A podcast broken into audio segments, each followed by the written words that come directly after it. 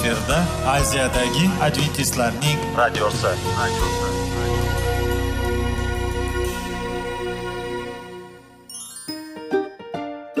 assalomu alaykum aziz radio tinglovchilar sog'liq daqiqasi rubrikasiga xush kelibsiz. Zero tananing sog'lom bo'lishi va uning kasalliklardan saqlash har bir insonning burchi hisoblanadi. Inson uchun bebaho boylik bu sog'liq salomatlikdir. Uni asrash esa har birimizga omonat qilib berilgan. Shuning uchun ham inson o'z sog'lig'ini ehtiyot qilishi va ajib amallardan hisoblanadi. Dono xalqimiz sog'liq tuman boylik deb bejiz aytmagan. Aql idroq sohibi bo'lgan inson o'z hayotini qadrlashi lozim bo'ladi.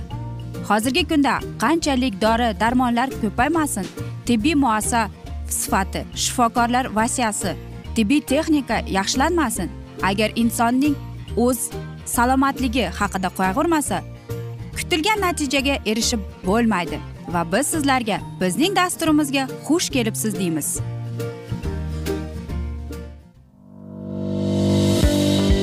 Sog'liq daqiqasi soliqning kaliti qiziqarli ma'lumotlar faktlar. Har kuni siz uchun foydali maslahatlar. Sog'liq daqiqasi rubrikasi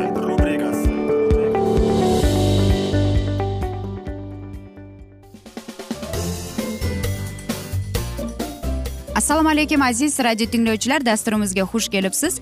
Va biz sizlar bilan sog'liq formulasi degan dasturda xushvaqt bo'ling deb aytamiz. Va bugungi bizning dasturimizning mavzusi ruhiy ziqliqni davolash deb ataladi. Ruhiy ziqliqdan qiynalayotgan odam alohida yordamga muhtoj. Maxsus ta'lim olmagan tashabbuskorlarning bu xastalik bilan kurashayotgan inson hayotiga aralashuvi shoshqaloqlik va xavfli. Hatto bu aralashuv eng yaxshi istaklarga yo'riqilgan bo'lsa ham. Bugungi kunda chuqur depressiyani davolashning bir qator usullari bor. Birinchi navbatda ruhiy ziqlik. Alomatlari bor odam yaxshi ma'lumot olgan va malakali meditsina xodimiga yordam so'rab murojaat etishi kerak. Uning holatini sinchiqlab tekshirib talab qilinayotgan shifolashning aniq dasturini belgilaydi. Xasta odam og'ir holatga tushib qolganda shifoxonaga yotqiladi. Bunday dasturlar shifolash davolash bilan bir qatorda qo'shimcha davolash usullarini va maslahatlarini tadbiq qilish masalan kognitiv muomala terapiya usulini nazarda tutadilar. Ko'pincha mijozlar bir necha bir necha oy davomida dori darmon qabul qiladilar. Ba'zan qayta shifolash talab etiladi. Ayollarda va erkaklarda ruhiy ziqlikning yengil formasi ko'pincha jismoniy mashqlarning oddiy usullarini bajarish bilan o'tkaziladi.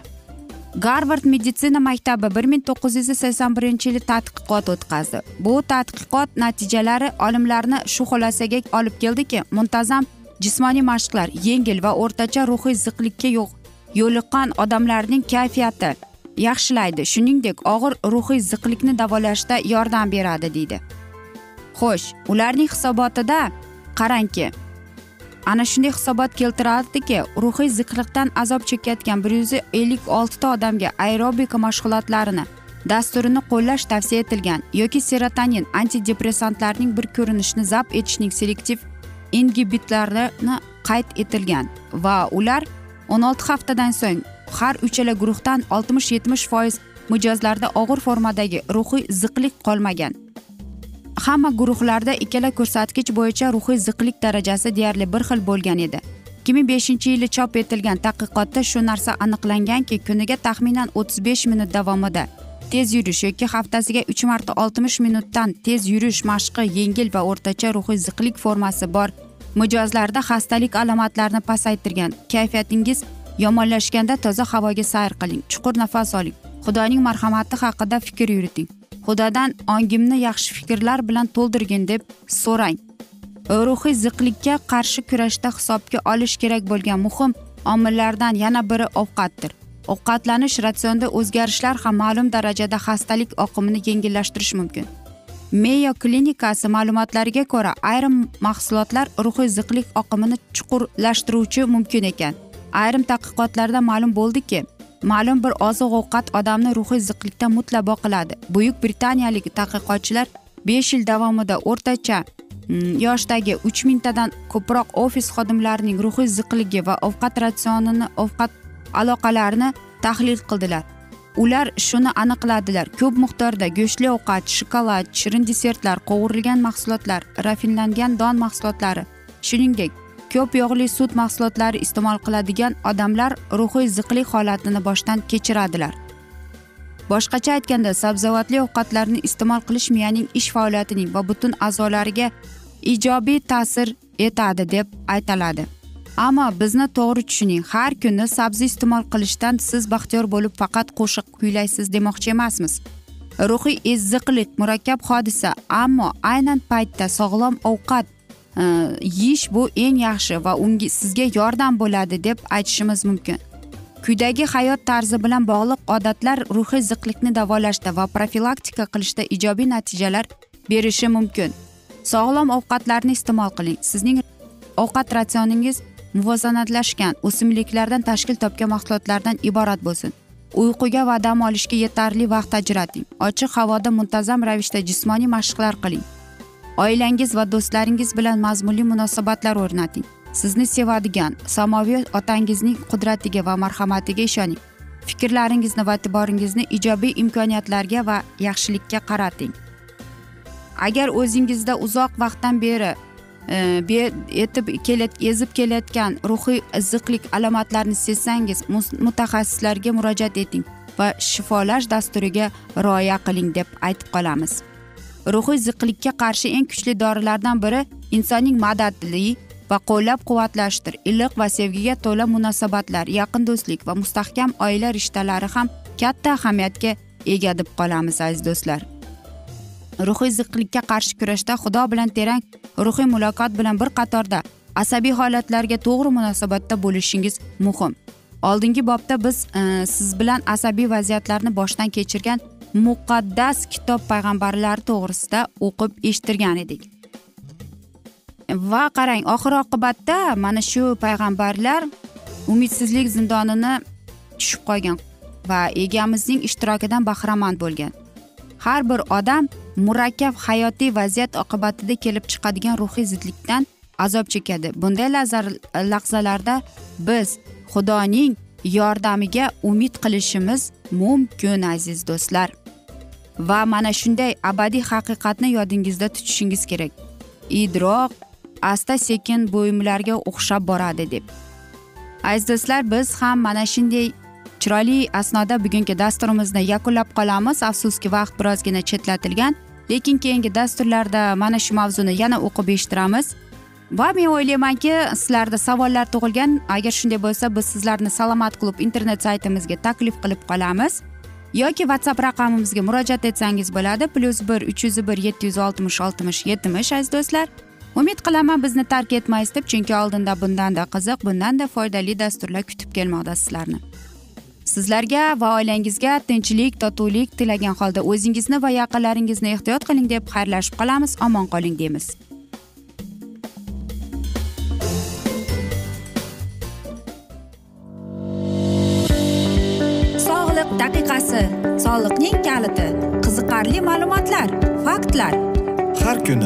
Siz uchun foydali maslahatlar.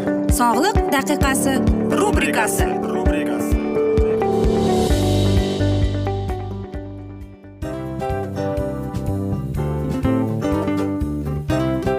Mana ha hayotda hamma narsaning yaxshi narsalar tugaydi va yakunlaydi degandek bizning dasturimizga ham yakun keldi. O'ylaymanki bizning dasturimiz sizga foydali bo'ldi deb aziz radio tinglovchimiz. Va siz o'zingiz uchun kerakli xulosalar kerakli maslahatlar olib oldingiz. Aziz radio tinglovchimiz biz bilan qoling va keyingi dasturlarimiz albatta undanda qiziqroq bo'ladi. Mana shu alfozda sizlar bilan xayrlashib qolaman.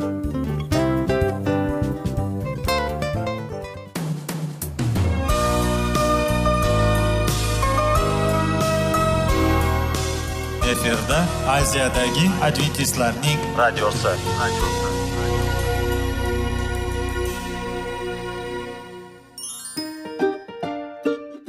Assalomu alaykum aziz radio tinglovchilarimiz.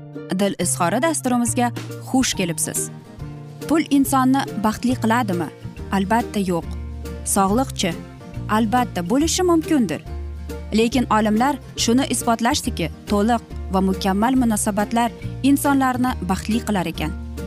Albatta biz hayot davomida biz yaqin insonlar bilan odamlar bilan aloqada bo'lamiz va ular bilan munosabatlarimiz qanday kechadi qanday tuziladi? Yigit va qiz er va xotin ota ona va farzandlar va yaqin insonlar bilan. Balkim hozirgi vaqtda kimnidir hayoti yoki munosabatlari buzilyapti va bizning dasturlarimiz ularga yordam bo'ladi deb va oldinda sizlarni qiziqarli intervyular va mavzular kutyapti va biz umid qilamizki siz biz bilan qolasiz deb.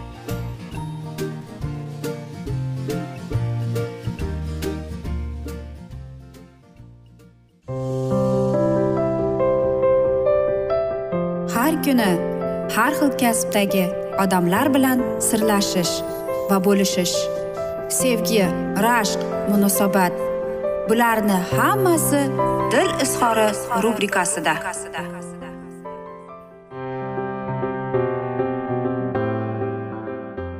Assalomu alaykum aziz radio tinglovchilar dasturimizga xush kelibsiz va biz sizlar bilan ben karsonning oltin qo'llar degan kitobini o'qib eshittirishni boshlagan edik va bugungi bizning dasturimizning mavzusi miranda ismli qizaloq deb ataladi va bu o'tgan galgi dasturning davomidir. Bilasizmi dedi meni qizim o'ttiz beshta har xil bir vaqtning o'zida dorini iste'mol qilar dedi. Ba'zida ular shunchalik ko'p ediki deydi u o'zimning qizim meni tanimas edi deydi lekin lyuis va terri hech qachon ham umidini uzmas edi va ular mana shu qizalog'imizni qutqarib qoladi deb ular har doim umid izlab yordam so'rardi. Bilasizmi bu ota onalar butun kitoblarni o'qirdi va qaysi kitobda nima yozilganini shunchalik chanqoq bilan o'qishardiki hattoki ular har bir tanish bir qandaydir alomatini ko'rsa ham xuddi shu kasallikmi deb umid bilan o'tirishardi. Lyuis fransiskoda e, supermarketi bor edi va albatta uning daromadi birozgina o'ylagandan ozroq edi lekin u bu narsa ularni to'xtatmas edi ham. Agar deydi shunday joy bo'lsa ekan bizning qizalog'imizga yordam berishsa deydi bir ming to'qqiz yuz sakson to'rtinchi yili qishda mirandaning ota onasi nahotki endi bilishdi u qizining kasalligini. Shifokor tomas reyli yosh bolalarning epileptik e, mana shu markazidan denverning bolnitsasining qarshisidagi bir necha shifokorlar bilan ular majlis o'tkazgandan keyin ular aytdi balki qizalog'ingizda balkim deyishdi. Ensefalit rasmussen dedi. Bu o'ta o'ta deydi kam uchraydigan kasallik e, ya'ni u miyaning shishi deydi. Va qarangki bu kasallik juda asta sekinlik bilan rivojlanadi. Reyli bilar edi bu shifo bu tashxis to'g'ri qo'yilgan. Lekin vaqt oz dedi. Ensefalit rasmin shunday kasallikki u tananing faqatgina bir qismini paralich qilib qo'yar ekan. Ya'ni umuman qimirlay olmaydi. Xo'sh faqatgina deydi miyada operatsiya bo'lish. Mana shu narsa mirandaning ota onasiga umid berar edi. Denverda qizlarga qizaloqni komaga kirgizishdi. o'n yetti soatga ular o'yladiki agar miyaning faolligini to'xtatsak mana shu tutqanoqlarning faolligini to'xtatamiz deb. Ammo lekin mirandani komadan chiqargandan keyin mana shu tutqanoqlari yana boshlandi. Endi ular tushundi. Ular mana shu tutqanog'i nafaqat mana e, miyaning faolligidan balki e, miyaning faolligining buzilishi deydi. Ya'ni bu rasmurning ensefaliti mirandani davolash uchun e, meditsin e, sentriga yotqizishdi los anjelesga ha aynan mana shu shifo больница ensefalit kasalligi bilan shug'ullanishardi. E, miyaning biopsiyasi mana shu kasalni to'g'ri tashxisini ma'qulladi. Bilasizmi agar mirandaning ota onaning mana shu kuchligi va ularning qaysarligi yo'l bo'lmagan deydi. Bu mirandaning hikoyasi afsuski aytaylikki yaxshilik bilan tugamas edi. Terri fransiska har bir imkoniyatga yopishar edi. Har bir eshitgan gapga shundoq chanqoq bilan eshitishardi va shunday shifokorlarga umid to'la ko'zlari bilan qarashardi oxir oqibat ular e, mana shu e, shifokorlardan so'radi yana qayerga murojaat etsak bo'ladi qanday qilib biz yaxshi jarroh topsak bo'ladi deb murojaat etishganda ularni jon hopkinsdagini frismen shifokoriga uchrashni taklif qilishdi. E, chunki aynan mana shu e, больница mana shunday tutqanoq tutgan bolalar bilan shug'ullanar edi. Va qarangki terri fransiska telefon orqali o'zining bolasining tashxisini aytib va uning alomatlarini aytganda unga aytishdi. Keling biz qabul qilamiz deb. Bilasizmi? Frimen shunday dedi. Miranda deydi eng yaxshi bemor. Eng nimaga deb so'raganimda axir biz birinchi marotaba mana shunday operatsiyani o'tkazamiz. Va u savol berdi. Siz qanday o'ylaysiz? Siz to'g'ri qaror qabul qildingizmi?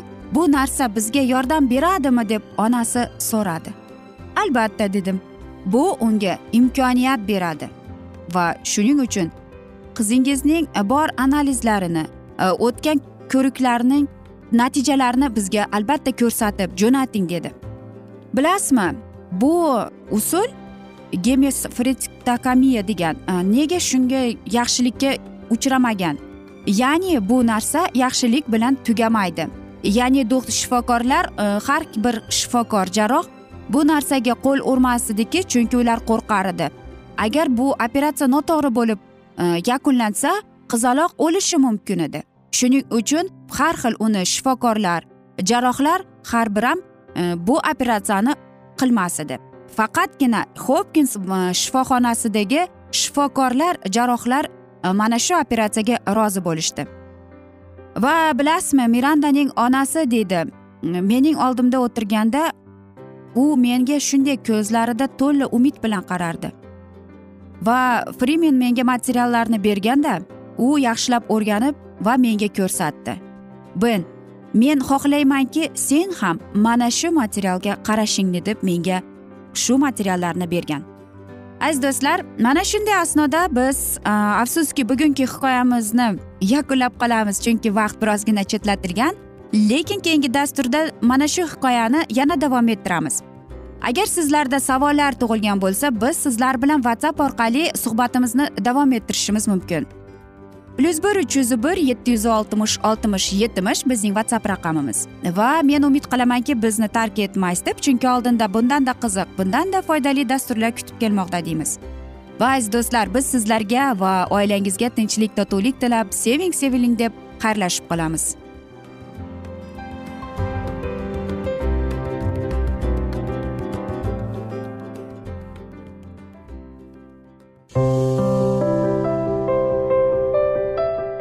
Har kuni har xil kasbdagi odamlar bilan sirlashish va bo'lishish sevgi rashq munosabat bularni hammasi dil izhori rubrikasida. Mana aziz radio tinglovchimiz bizning go'zal va foydali va chiroyli dasturimiz yakunlanib bormoqda. Sizlarga birozgina maslahat berib o'tmoqchi edik. Bir biringizni seving. Qadringizga yeting. Va erkalang albatta bir biringizni va sizga judayam chiroyli va mustahkam munosabatlar tilab qolamiz albatta. Sevgilingiz doimo yoningizda bo'lsin. Mana shu borada sizlar bilan xayrlashib qolamiz. Xayr.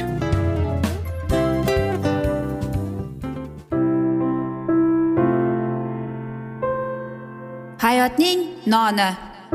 Qiziqtirgan savollar va javoblar.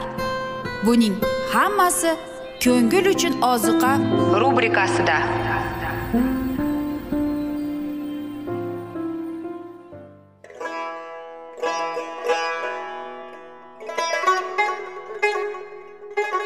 Assalomu alaykum aziz radio tinglovchilarimiz. Ko'ngil uchun oziqa rubrikasida xush kelibsiz deymiz. Siz haqiqatni izlayapsizmi? Olamnimi? Umidnimi? Siz kimga murojaat qilmoqchisiz? Odamlar ko'pincha siyosat kuchiga tayanadilar. Dunyo iqtisodiyoti holati tobora chuqurlashib bormoqda. Tabiiy ofatlar va texnogen halokatlar minglab insonlarning hayotini olib ketib juda katta zarar yetkazmoqda. Sizga abadiy hayot inomini hadya qiluvchi va hayotingizni tubdan o'zgartiruvchi haqiqatni izlab toping. Xudo haqidagi haqiqat uning kalomida mujassamlashgan. Kimki bu haqiqatni butun qalbi bilan izlasa albatta unga yetishadi. Bu sevgi xudoning tarixidir. Hayotingizda yoki sizning yon atrofingizdagi olamda nimalar yuz berishidan qat'iy nazar? Siz ertagi kunga buyuk umid va ishonch hosil qilishingiz mumkin. Hozirda xudo sizga taklif qilayotgan umid ishonchga o'z qalbingizni oching va sizni qiziqtirayotgan mavzularni savollaringizga javoblaringizni topib olasiz deb umid qilamiz. Biz bilan qoling.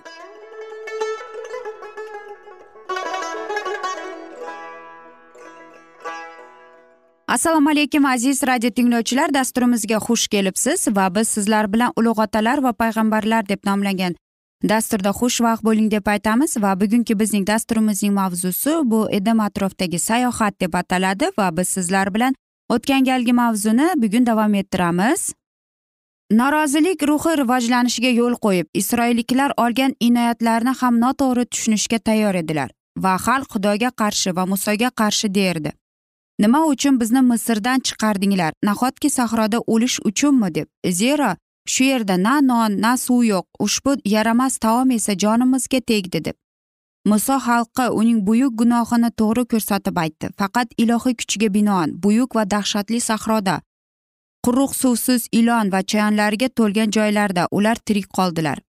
O'z sayohatlarining har bir kunida ular ilohiy iltifotining sinoatini orqali saqlanadilar.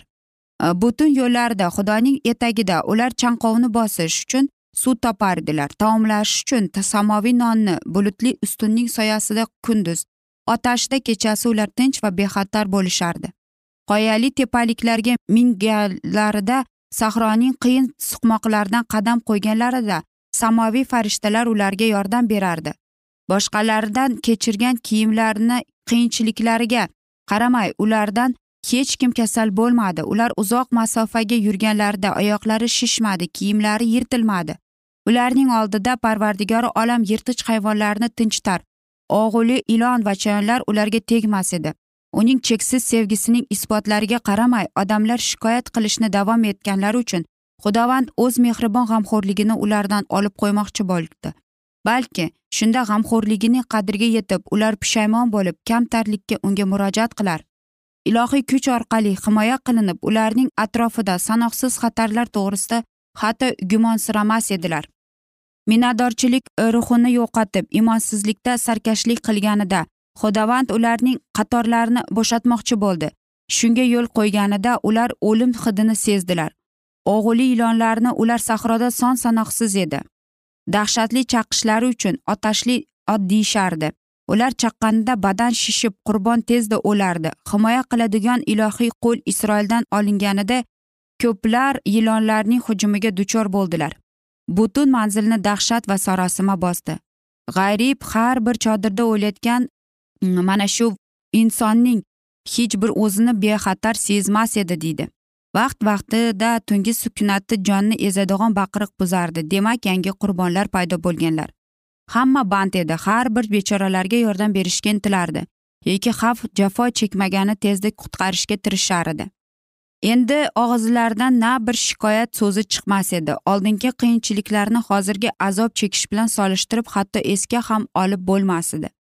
Endi xalq xudo oldida yuvoshlandi odamlar gunohlariga iqror bo'lib tavba qilgani uchun muso huzuriga keldilar. Xudo gunoh qildik biz tan olib dedilar. Xudovandga qarshi va senga qarshi qurflik qildik. Yaqindagina ular musoning harakatlarida yovuz dushmanchilikni ko'rib uni hamma balo qazolarda va azoblarda e, aybdor ko'rsatib ta'na qilgandilar. Ammo shuni aytib ayta turib bu yolg'on ekanini ular bilishardi va tezda haqiqiy musibat boshlariga tushganida ular xudo oldida yagona mudofaachi bo'lgan musoga yugurdilar. Xudoga ibodat qilgin bizlardan ilonlarni u olib tashlasin dedi. Muso ilohiy buyruq oldi. Misdan ilon yasab tirikka o'xshasin u baland joyga o'rnatilsin. Toki har bir azobga duchor bo'lgan unga qaragan zahoti shifo topsin. U shunday qildi va tezda har bir azob chekkan mis ilonga qarab tirik qoladi degan quvonchli xabar butun manzilga tarqaldi. Shu paytda ko'plari vafot etdilar va muso baland joyda ilonni o'rnatishganda qaysi birlari nahotki simdan qilingan tasvirga bir nazar tashlash davo bera oladi deb ishonishga ko'nmadilar. Shundaqalar o'z iymonsizligi tufayli halok bo'ldilar. Ammo ko'plari xudo shu yo'sinda ularni qutqaradi deb ishondilar. Ota onalar aka ukalar opa singillar kuchlari boricha yaqinlarining o'chayotgan nazarini ilonga yo'naltirishga tirishadilar. Ojizlikka va o'limning yaqinlashishiga qaramay odam butunlay sog'ayish uchun faqat bir nazar tashlashi yetarli bo'ldi. Mis ilon o'zida odamning bir qarashida vujudini o'zgartiradigan shifobaxsh e, kuch yo'q edi. Xalq shuni yaxshi tushunardi. Ushbu kuch xudodan chiqardi. O'z donoligida o'z kuchini namoyon qilish uchun u shunday yo'sinni tanladi. Ushbu vositaga munosib odamlar tushunishlari kerak.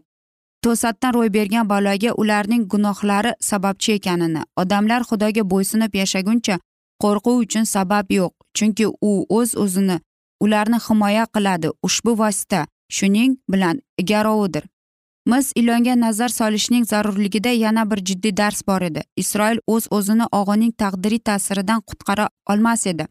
Faqat parvardigor insoniyatni shifo qila oladi. Ammo najot topish uchun u taklif qilgan vositaga ular ishonishlari lozim yashash uchun ularga nazar solish kerak edi. Xudo faqat ularning ishonchini qabul qila olardi va ishonch ilonga qarash bilan ifodalangan.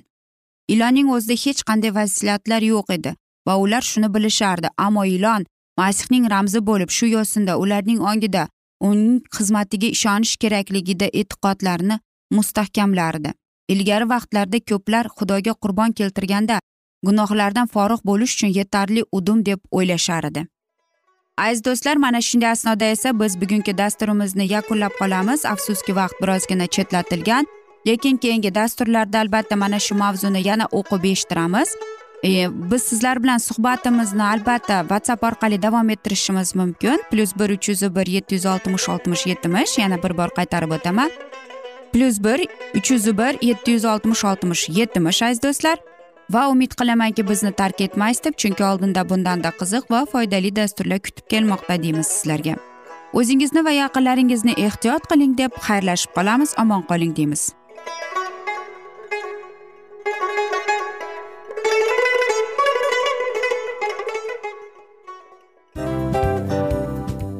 Afsus afsus hamma yaxshi narsaning ham yakuni bo'ladi degandek bizning foydali va qiziqarli dasturlarimiz ham yakunlanib qoldi va men umid qilamanki bizning dasturlar sizga ozgina bo'lsada maslahat berdi foyda berdi va sog'liq borasida ayniqsa sizlarga foydali bo'ldi deb va siz bizning maslahatlarga amal qilasiz deb. Albatta keyingi dasturlarda undanda qiziqroq undanda foydaliroq ma'lumot berishga harakat qilamiz. Undanda qiziqroq ko'rsatuvlar sizlarga hadya etishga harakat qilamiz. Bizni tanlaganingizga albatta sizlardan minnatdormiz. Sizlarga baxt omad va sog'liq tilab qolgan holda mana shu alfozda sizlar bilan xayrlashib qolamiz. O'zingizni ehtiyot qiling sog' bo'ling omad sizga xayr.